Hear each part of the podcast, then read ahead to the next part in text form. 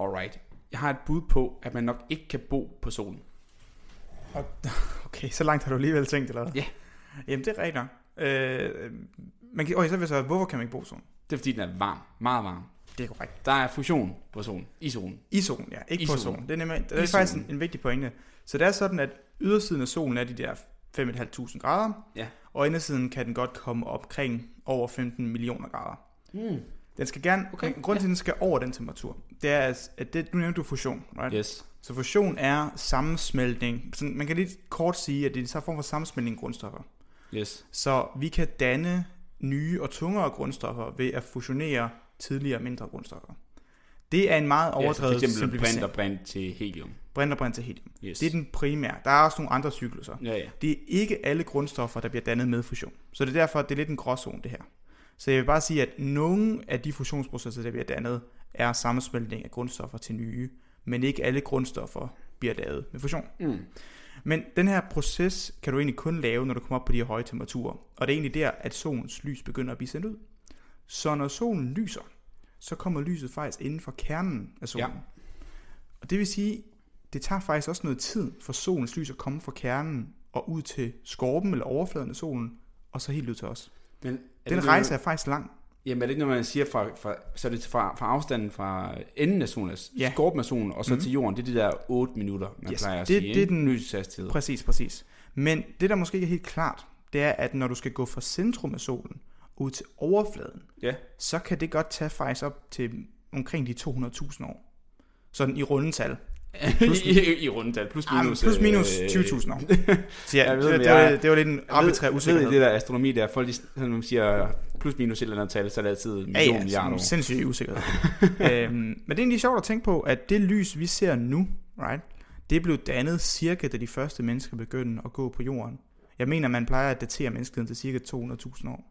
Så det, altså det lys, vi ser nu, det bliver altså blevet dannet inde i midten af solen, dengang de første mennesker begyndte at ville sig rundt på jorden. Og så er det så fordi, at for, det, så, langt er der jo ikke, men altså fra centrum til enden. Men Mm. det er så fordi, den gør sådan bing bong bang bang, ligesom sådan en uh, pingpongbold. Den, det er nemlig tilbage præcis, den gør. Den siger nemlig ping pong bang bang. Det, Ping pong bang bang. og det er det korrekte term at bruge også. Ja, fedt. Det Øhm, jeg, jeg er jo lidt af en fysiker Nej, mig det, selv. øh, det er sådan, at som du egentlig indikerer, så lander lyset, det kommer til at ligesom scatter, siger vi, eller sprede, eller ligesom bare kollidere med en masse øh, ting og sager inde i øh, solen. Den kan godt, Ja. øh, den, kan, den kan egentlig sprede på andre lysfotoner, og den kan sprede på alle mulige andre partikler og grundstoffer derinde, og det gør det faktisk en langtidsvarende proces. Og det er ikke, den er ikke tilfældig i den forstand, at de aldrig når ud, men at det er lidt sådan to skridt frem, og så et tilbage. Eller måske 100 skridt frem, og så 99 tilbage. Ja, pretty much. Det bliver, det her, den her type bevægelse kalder vi øh, Brownian motion. Så det kan man google, og så ser man nogle meget sjove billeder og animationer og sådan noget. Mm. Men det er hoveddelen. Øhm, så vi kan altså inde i selve kernen lave fusionsprocesser, så vi kan få øh, lavet tungere grundstoffer, sådan hovedsageligt i store træk, og alt det her lys, der bliver, som er et biprodukt fra fusionen. Ja. Det tager cirka 200.000 år for at komme ud til overfladen, og så videre over til jorden. Og, og alle de andre planeter også i princippet, ikke? Ja, jo, Og- præcis. Alle de Og andre så kan man jo sige, at man kan sige, grunden til, at det kommer vi nok også ind på, at der er nogle planeter, som der er bedre at bo på, fordi de, de ikke er for tæt på, hvor det er for varmt, og heller ikke for langt væk, hvor det er for koldt, fordi der bliver ligesom sendt noget lys ud fra en centrum, og så bliver det spredt, spredt, spredt mere, des længere det kommer væk fra solen. Ja. Kan man ikke sige Jo, det? det, det kan man præcis sige.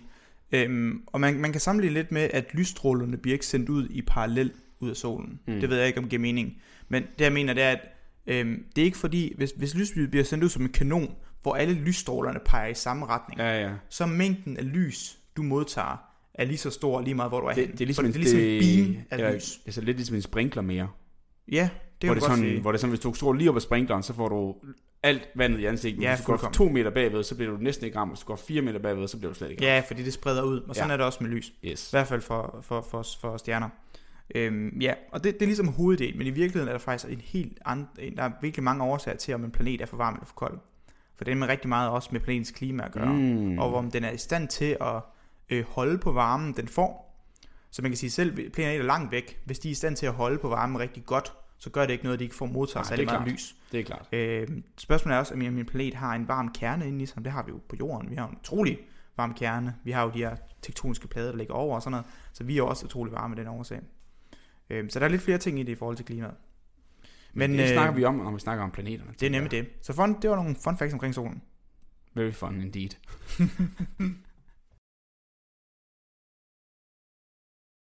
Hey, Vilas her. Hvis vores podcast falder i din smag, så hjælp os med at dele naturvidenskaben med resten af Danmark. Det kan du gøre ved at vurdere os på din foretrækkende podcast-app eller anbefale os til venner og familie. Og hvis du virkelig er vild med os, så kan du støtte os på Patreon. Der kan du få adgang til episoder, før de kommer ud, og eksklusive afsnit. Tak for at lytte med.